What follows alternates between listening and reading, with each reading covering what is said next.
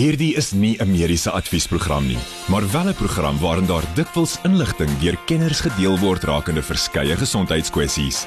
Vir persoonlike raad of advies, raadpleeg jou mediese dokter of sielkundige. Groot trauma op Groot FM 90.5. Dis groot drama ons kyk so na so 'n paar uh, mediese nuus stories wat die nuus gemaak het en ons hoor wat is dokter Jaco van die kerk so opinie daaroor. En in die 18 nuus het, het ek vlugtig gepraat oor Kempton Park Hospitaal wat nou na meer as 25 jaar moontlik weer gaan heropen. Nou myself uh, Jaco en Esmeralda het al die geleentheid gehad om een aand bietjie daar na die spookhospitaal te gaan rondloop en dit was nog my nog 'n baie groot ervaring.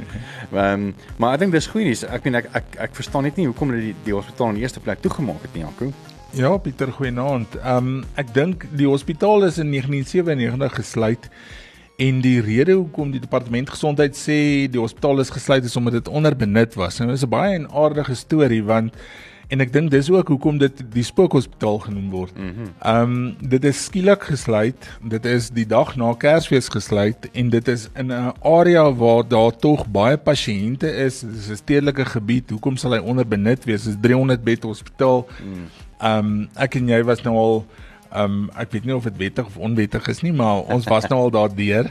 en dit was 'n ehm, opleidingshospitaal. Dit was 'n opleidingshospitaal, was 'n groot hospitaal. Ehm um, ek meen ek en jy daar deur gestap in terme van waar die verpleegsters opgelei is. Dit is dis 'n groot gebou. Ehm um, die teaters, hulle het hulle eie verbranders gehad, hulle eie ehm um, wel eintlik is dit totaal totaal goed toegeruste hospitaal gewees. Hmm. Um om dit ewe skielik net te sluit was nogal 'n storie en ek dink daar's baie stories agter die storie ook. Um maar nou wil die departement gesondheid weer hierdie hospitaal herbou met 300 beddens. Nou jy weet ek dink hulle sukkel al klaar om om die staatshospitale wat reeds staan ja. aan die gang te hou. Nou gaan jy hospitaal moet sloop want ek en jy weet hoe lyk daai hospitaal aan die binnekant. Hy's uitmekaar uit. Hy val uitmekaar uit letterlik alles gaan oorgedoen moet word. Hulle gaan hom letterlik moet sloop en van voor af bou. Um en ek dink dis die een groot rede hoekom hulle dan ook sê um daar is die voorstel is oorweeg, maar daar's geen tydraamwerk vir die herbou van hierdie hospitaal aldaag gestel nie. Alhoewel daar al 300 mense of 300 beddens nodig is in daai area. Um so ja, dit sal interessant wees om te sien of hulle hierdie hierdie hospitaal regtig gaan gaan herbou. Ehm um, die mense wat al daar was sal weet dis 'n baie groot area, die vloer of die, die grondoppervlakte is baie groot. Dis 'n ongelooflike groot gebou wat daar staan. Ehm um, maar dis eintlik net die dop. Ek sien ook dat ehm um, daar's nie nuwe gevalle van apokke uh volgens die departementie wat nogal seker ek meen goeie nuus is vir Suid-Afrika. Ja, ek dink ehm um, apokke het, het gekom en gegaan en ek dink ehm um, definitief dis goeie nuus vir Suid-Afrika. Ek dink die die vyf gevalle wat wel in Suid-Afrika aangemeld is, is almal ehm um, genees en ehm um, daar's geen sterfgevalle aangemeld nie. En ehm um, ek dink ja, ons ons hoef nie bekommerd te wees dink ek verder groot of baie oor apokke nie. Net nou gaan ons 'n bietjie verder gesels oor uh, meer as 200 kinders in George wat ewe skielik Ekskuus toe. Nou, dit was net 'n nuus. En dit is nog nie 'n griepseisoen nie. ja. Uh, oor meer as 200 kinders in George wat na kliniek toe moes geneem het weens 'n veluitslag en 'n gejuk. Ons het 'n bietjie daaroor gesels. En dan ook 'n skokkende statistiek dat meer as 'n kwart van matrieks damprook weens stres en angs. Bly geskakel daarvoor net hierna. Groot trauma met Pieter Kloete en dokter Jaco van die Kerk op Groot FM 90.5. Ons kyk nou so 'n paar mediese nuus um, nuus stories en ons kyk uh, en hoor wat sê dokter Jaco van die kerk en sy opinie daaroor. Jaco, meer as 200 kinders is na verskeie um, klinieke toe gevat in en om George weens 'n uh, gejuk en eh, 'n uh, veluitslag. Nou kyk as as mense kan een of twee kinders was dan mense seker nou maar niks daarvan gedink nie, maar 200.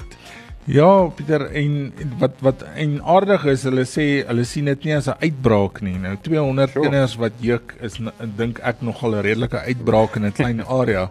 Ehm um, maar met nadere ondersoek is daar dan nou bevind dat hierdie oorsaak van die juk is 'n basiese parasitêre infeksie met die naam van Sarcoptes scabiei. Ehm um, die organisme wat dit veroorsaak wat eintlik maar scabies is wat eintlik die ouer mense sal sê dis 'n dis 'n velmyt wat onder die wat in die vel inkruip en en eintlik sulke tonneltjies boor. Um en dit maak dat 'n mens dan 'n veluitslag het met 'n geweldige juk wat dan gewoonlik in die aande erger word. Um die areas wat die meeste aangetast word deur sarkoptes skybie is gewoonlik die polse, die elmboë, die armholtes, midlywe, um hier by die boude rond, um tussen die vingers. Um en mense kan so krap dat dit seer maak en dan sekondêre infeksie kry bakterieël um, as gevolg van die feit dat jy eintlik maar basies jou jou beskermende laag van vel afkrap. Ehm um, die behandeling daarvan is eintlik maar om gereeld met seep en water uit die aard van die saak te was, jou naels kort te hou, skoon te hou, klere en linne war, in warm water te was.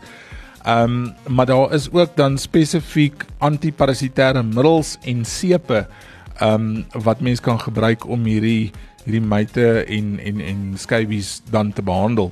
Ehm um, dit is 'n baie lastige ding. Dit is nie 'n ding wat jou gaan doodmaak of iets nie, maar dit is baie lastig en dit kan vir jou baie baie ehm um, irriterende sere en jukkende lyfies gee. Nou 200 kinders, dink ek is nogal 'n uitbraak in my in my oë. Hmm.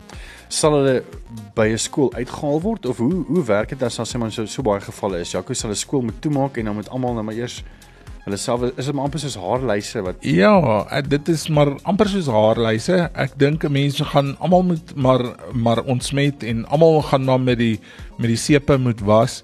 Ehm um, hulle almal se linne gaan moet moet skoon gemaak word. So ek dink daar gaan 'n tyd moet wees waar mense almal basies uitmekaar se hare moet kry en weg van mekaar af moet kry en almal moet hulle gaan gaan was en behandel en dan gaan 'n mens die ding heeltemal kan kan ehm um, kan uitroei.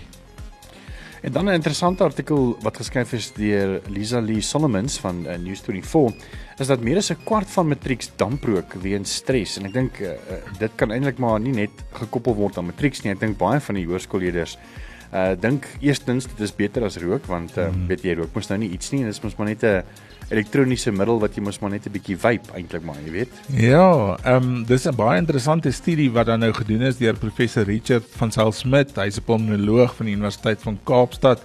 Ehm um, en hy's verbonde aan die Groot Skure Hospitaal en hy het dan nou bevind in 'n na-meningspeiling dat daar 6 jaar gelede net 2% van matrieks was wat gedamprook het of gewyp het. Ehm um, en dit het tot meer as 25% uit die aard van die saak van jaar toegeneem. Ehm um, ek dink mense dink dis veiliger as rook en ek dink dit is dalk een van die onderwerpe wat ons in die toekoms kan kan bespreek, maar daar kom al hoe meer en meer goed uit wat sê dat dit ook nie so gesond is as wat almal dink nie. Ehm um, en dat dit maar ook soortgelyke neeweffekte het as wat gewone rook sal hê. Ehm um, daar's groot persentasies van kinders wat sê hulle hulle word wakker en dan moet hulle al damp rook. Ehm um, sure. dat en en en mense besef nie dat dit ook maar 'n uh, nikotien ehm um, jy weet afhanklikheid is. En ehm um, baie van die mense en baie van die kinders se familielede weet hulle hulle damprook. Ehm um, jy weet hulle hulle damprook oralster. Ehm um, dit is 'n groot groot probleem. Dis net so verslawend as enige van die ander ehm um, metodes van rook En ek dink regtig waar om om op 25% is een uit elke 4 van alle matrieks daar buite. Sure. Ek dink ons gaan oor 'n ruk nie genoeg pulmonoloë hê om almal se longsiekte te behandel nie. Dis dit uh, vir ons uh, nie nie nie op die mediese front en ons kyk wat uh, dokter Jaco van die kerk se opinies is daaroor. Net hierna gaan ons weer 'n uh, finalis of twee vir jou deel met ons Caressa kompetisie. Hierdie insetsel word geborg deur Caressa Home Nursing Care, die voorsiener van tuisverpleging en verpleging. Ons verpleegsters en versorgers kry nie altyd die erkenning wat hulle toekom nie en daarom wil Groot FM 90.5 en Caressa Home Nursing Care van hulle hoor. So wat jy moet doen is om 'n geregistreerde verpleegster of versorger te nomineer. Hy ens of sy moet in Pretoria woon en in die afgelope 2 jaar 'n verskil in iemand se lewe gemaak het. So stuur 'n nominasie per e-pos na grootverpleegster@caressa.co.za. Dis Care SSA, want dit is like Vin Care by Vanessa die naam van die besigheid. Dit is groot verpleegster@caressa.co.za. Met jou motivering oor hoekom jy hierdie persoon nomineer en hy of sy staan aan 'n kans om 'n maandelikse finalis te word en uiteindelik volgende jaar Mei 2023 weg te stap met R30000 kontant van Caressa en ook R20000 se vakansie van Sonja Smit begrafnisdienste besenfees geld. Sedert 2004 is die verpleegkundiges Gerry en Vanessa Skeepers se fokus die tuisverpleging van pasiënte en bejaardes. Indien jy verkies om tuis aan te sterk na hospitalisasie, sal Care by Vanessa jou tuisverpleging met sorg bestuur. Skakel Care by Vanessa by 012 947 9799. Besoek ons op Facebook of by caressa.co.za. Professionele tuisverpleging met deernis. Voordat ons weer 'n paar nominasies gaan deel van van hierdie maand, is dit vir my lekker om weer vir Gerry Skeepers in die ateljee te verwelkom. Hy is die stigter van Caressa en hy doen dit nou al vir jare. Welkom Gerry, is lekker dat jy weer is. Baie dankie, ons kuier lekker hier by julle. Gerry, net uh, vir die luisteraars wat nog nie van julle gehoor het nie, wie is Caressa tuisverpleging? So Caressa tuisverpleging is 'n privaat verpleegpraktyk of agentskap wat dan tuisversorging aanbied en vir pasiënte of mense wat by die huis wil aansterk na operasie of nadat hulle gehospitaliseer is.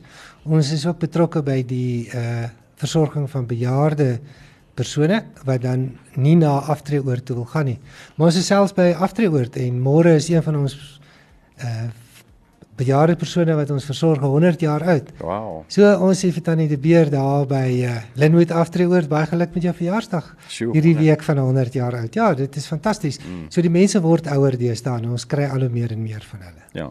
Maar, maar julle help ook nie net ouer mense nie, weet julle help ook uh, weet vir persone wat ek meen as as ouers moet gaan werk en moet iemand by die huis los wat siek is, dan kan hulle mos ook by julle kontak. Ja, ons uh, doen daai tipe van dienste ook en dit gebeur ook. Daar is maar reëls in wat ons net sê dat dit nie minder as 5 ure 'n dag mag wees nie of nie minder as 2 dae 'n week moet wees nie. Anders is ons verpleegsters, jy weet, kry hulle nie voldoende ure in 'n maand in om te werk nie, want ons kan hulle nie dan deel met ander pasiënte nie, maar daar is sekere reëls en ons doen dit ook, ja. Is Caressa se dienste net in Pretoria beskikbaar, Gerry? Glad nie.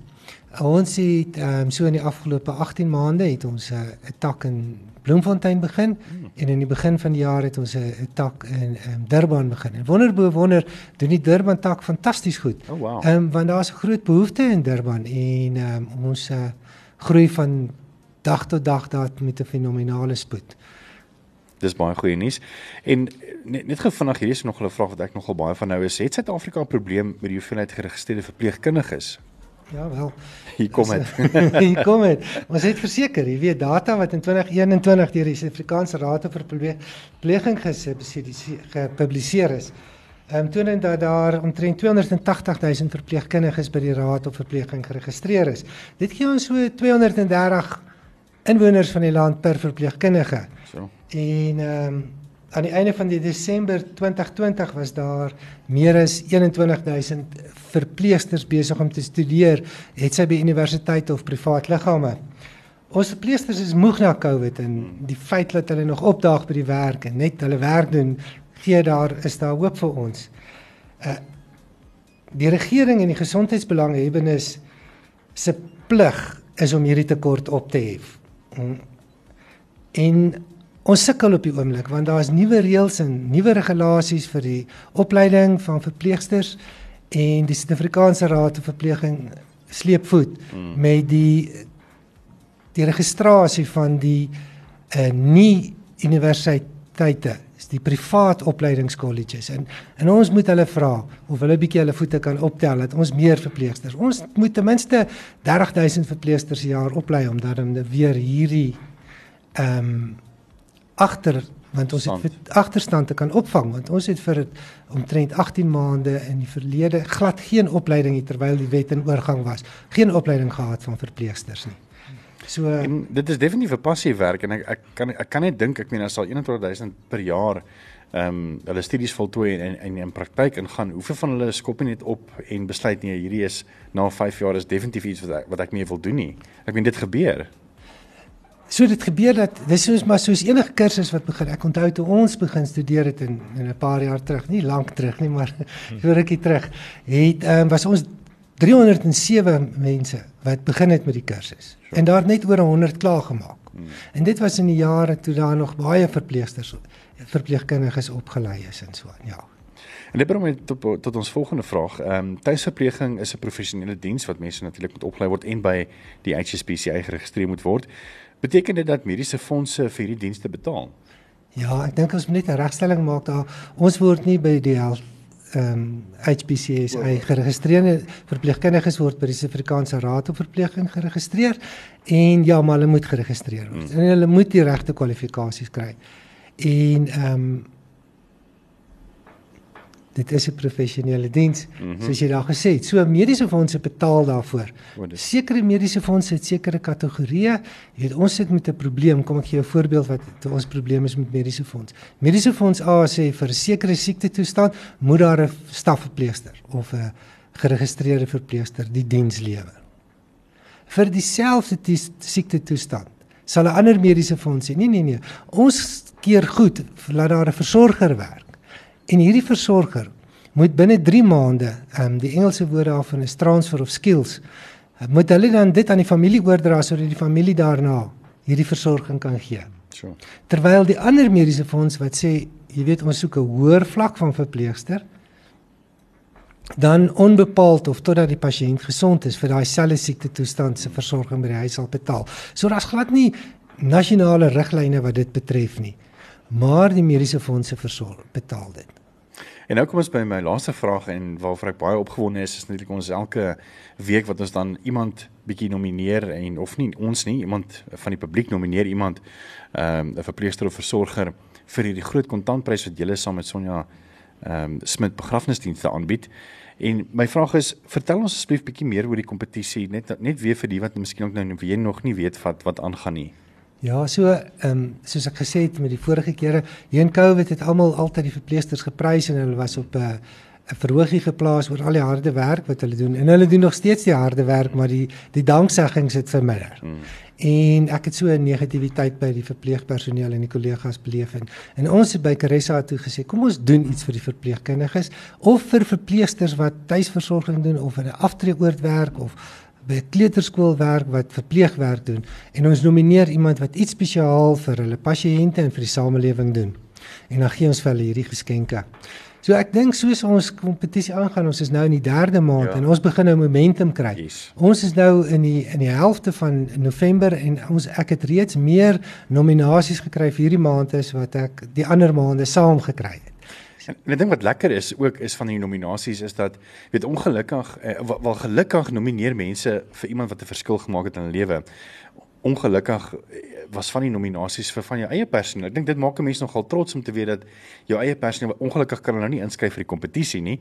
Ehm um, so hulle word nog gediskwalifiseer daaroor, maar dis tog seker 'n lekker chip op die skouer om te weet dat mense ook jou personeel weet nomineer wat 'n ongelooflike impak in iemand se lewe gehad het. Ja, dit is nogal goed om te sien dat die mense dink dat hulle dit waardig is en en wat ons doen, ons het ook self in ons maatskappy het ons 'n interne kompetisie of 'n ek sal dit dis nie 'n kompetisie nie, maar 'n 'n erkenning. erkenning elke maand om 'n verpleegster van die maand te kies en aan die einde van die jaar kies ons dan nou ook die verpleegster van die jaar.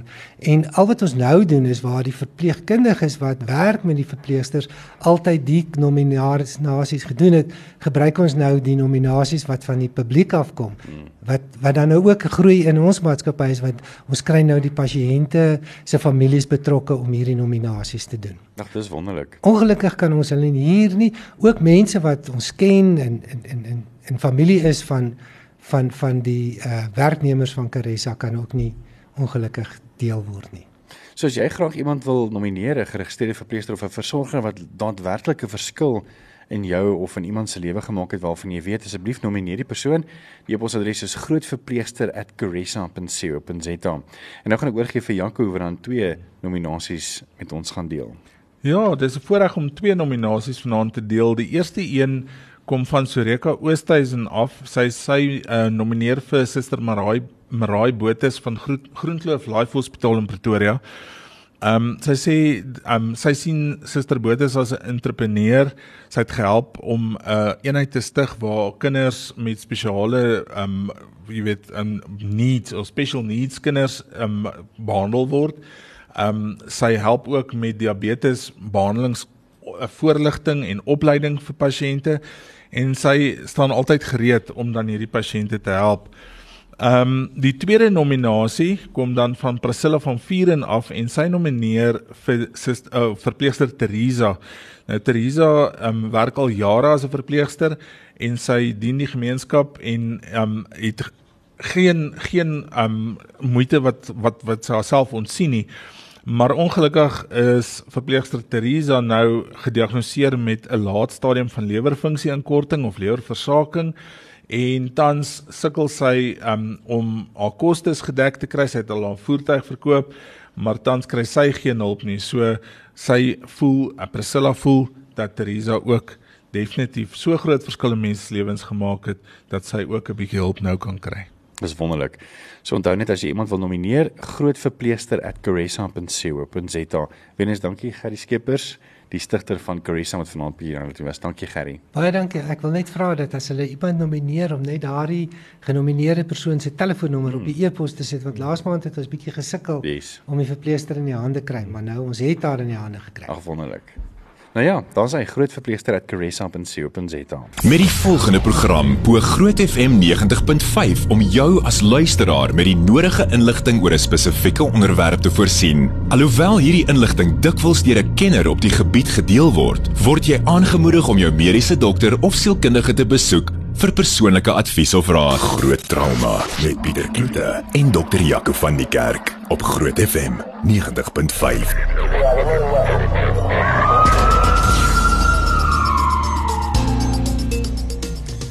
Ons gesels ook bietjie oor bewusmaking van antibiotika en ek dink uh, ons het nou al 'n paar keer hieroor uh, in die afgelope 4 jaar wat Jaco ook weet ehm um, saam die program aanbied hieroor gesels. En uh, dit tog weet as mense met mense gesels oor weet wat wat hulle sê nee dokter het vir hulle antibiotika gegee maar hulle maak nooit die kursusse klaar in die meer nie. So ons gaan vanaand ook weer 'n bietjie gesels oor antibiotika en die belangrikheid van antibiotika. En raak ons nie maar net immuun teen antibiotika nie. En uh, hoekom is dit belangrik om dan jou voorskrif wat die dokter vir jou vir jou gee die hele kursus te voltooi al voel jy al reeds beter. Pieter, ek dink ehm um, baie mense dink alles word behandel met antibiotika, alle infeksies word behandel met antibiotika.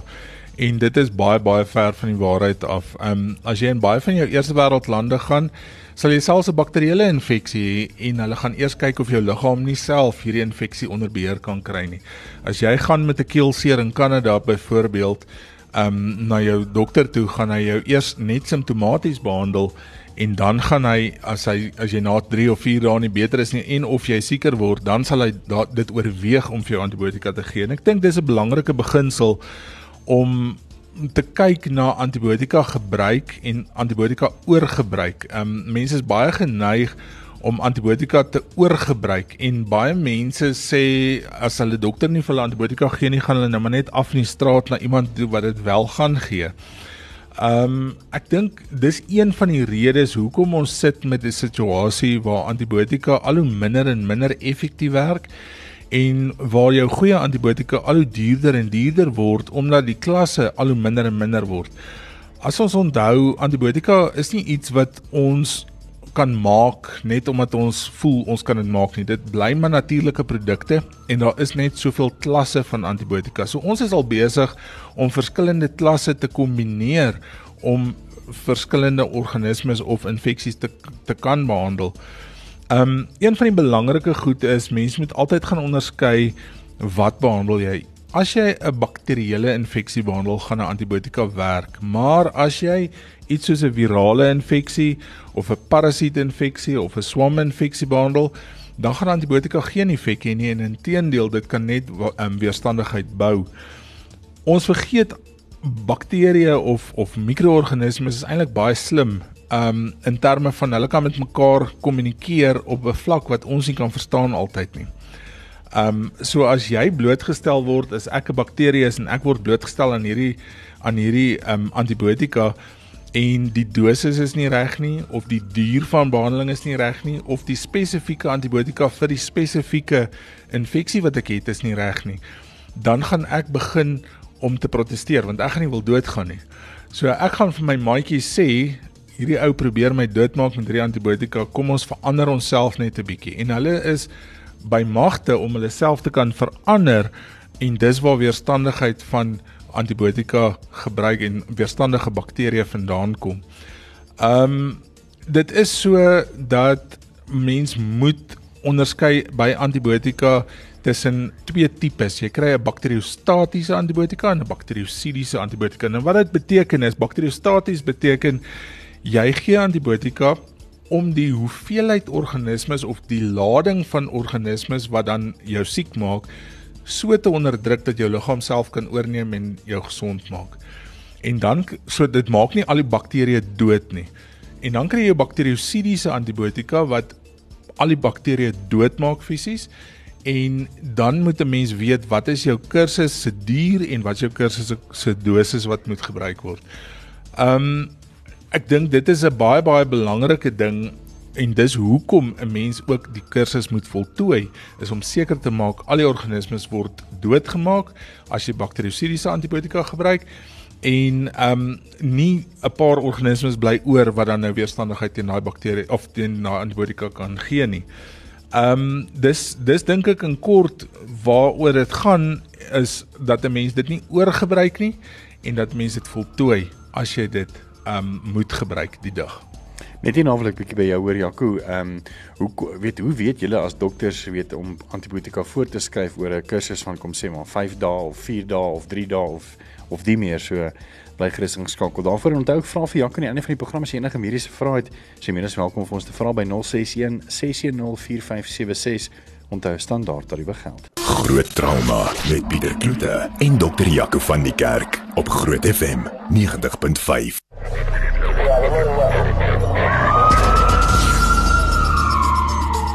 Ons het selfs bietjie oor antibiotika en die meer en ek wil bietjie by Jaco hoor. Hoe weet jy as dokter Jaco wat om wat se antibiotika om voor te skryf? Ek meen daar's soveel op die mark en jy moet die kursus voltooi, weet is dit nou 'n kursus van 3 pille of 4 pille of 5 pille? Hoe weet jy? Pieter, ek dink dit is een van die mees komplekse vrae wat 'n mens kan probeer beantwoord, maar die een ding is wat 'n mens na wat ons na kyk is wat is die mees waarskynlike organisme groep wat hierdie infeksie wat voor jou sit in die persoon of in die pasiënt veroorsaak. So ons gaan kyk, is dit 'n gemeenskapsverworwe infeksie of is dit 'n hospitaalverworwe infeksie? Ons praat ook van nosokomiale infeksie. So daar's 'n groot verskil tussen 'n sê maar 'n lugweginfeksie wat jy in die um winkelsentrum optel en die lugweginfeksie wat jy in die hospitaal kry terwyl jy daar lê vir iets anders die organismes in die hospitaal is gewoonlik al klaar baie meer weerstandig. So jy gaan dan klaar dit gaan jou antibiotika keuse beïnvloed. Die tweede ding wat jou antibiotika keuse beïnvloed is waar sit hierdie infeksie.